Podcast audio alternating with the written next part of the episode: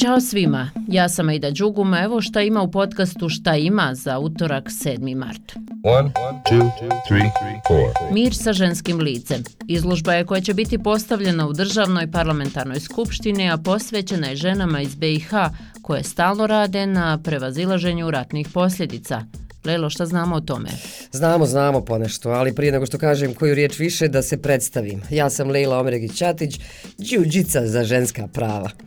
dakle, riječ je o 20 autentičnih ispovijesti žena, a kako kaže Dragana Petrić iz inicijative Mir sa ženskim licem, to je odgovor na njihovo isključivanje iz kulture sjećanja i naravno da se ispriča neispričana priča ženske strane istorije. Mi ove žene prikazujemo kao heroine, a ne kao žrtve. Upravo ovaj pristup bolnim temama ratnim prošlosti i ono što se najviše svidjelo publici koja je imala priliku da vidi izložbu u nekom od 12 gradova u kojima je dosta prikazana. Nakon otvaranja izložbe u Ahenu, posjetiteljki izrazile žaljenje što se takva ideja nije razvila u Njemačkoj poslije drugog svjetskog rata. Čuli smo Draganu Petrić. A za donosioce odluka u nižem entitetskom parlamentu, to jest federalnom, danas će biti održana sjednica za ekonomsko osnaživanje žena žrtava nasilja.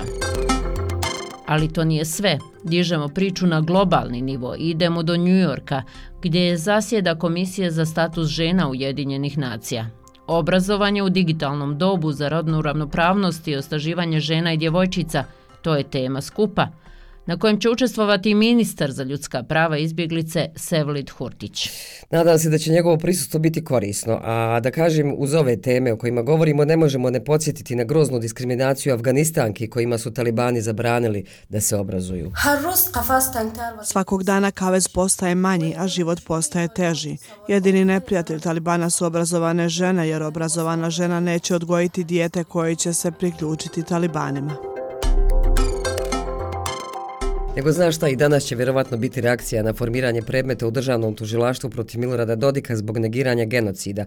Pa evo, samo kratko za one koji nisu čuli da podsjetimo. Tamo se nije desio genocid, to svi znamo ovdje u Republike Srpskoj. Eto tako je Dodik rekao nakon što je visoki predstavnik zakonski omogućio memorialnom centru potočarima da višak doniranih sredstava za ukope mogu preusmjeriti za rad centra.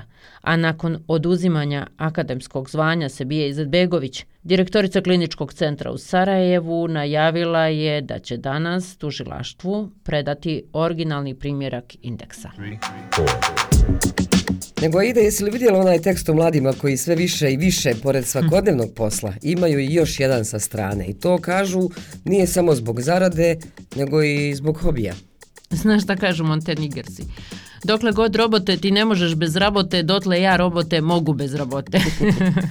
Šalim se naravno. Tako ni generacija Z ne može bez više poslova. Robot, ja. Mm -hmm. Šta im je? Što to čine? Puno je razloga što je to tako. Nestabilna ekonomija, promjena radne dinamike koja je totalno drugačija nego prije 10 godina. Znaš da je objavljeno istraživanje prema kojem oko 40% C generacije ima dodatni posao. To su vjerovatno online poslovi, ali hajde.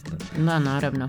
U tom tekstu sa BBC-a profesorica Meredith Mayer Greli kaže da su mladi radnici svjesni da njihov posao može da zastari vrtoglavom brzinom, pa se tako onda okreću ovim inovativnim poslovima sa strane, što bi kod nas onako rekao. Žargonski. Da, žargonski tezgare. tezgare, da.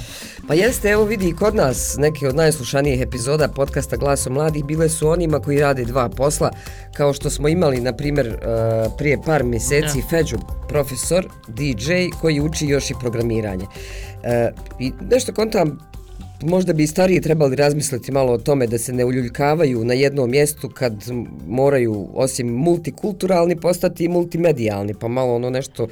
Ja razmišljam baš Hajde molim da... te kontaj drugi put, a sad još samo da kažemo da su danas širom Francuske najavljeni protesti i štrajk zbog reforme penzija, a počinje i sastanak ministara odbrane Evropske unije u Štokholmu o čemu ministar odbrane Švedske Pali Onson kaže. Sigurnost je jedan od glavnih prioriteta švedskog presjedavanja u svjetlu ruske invazije na Ukrajinu. Snažna ekonomska i vojna podrška Europske unije ključna je za ukrajinske šanse za pobjedu u ratu. Bio je to ministar odbrane Švedske Pali Onson, ja sam bila i ostala Leila. Aj, čao. I ja isto. Potvrđujem da sam to ja, a i da, a ne robot. Tchau.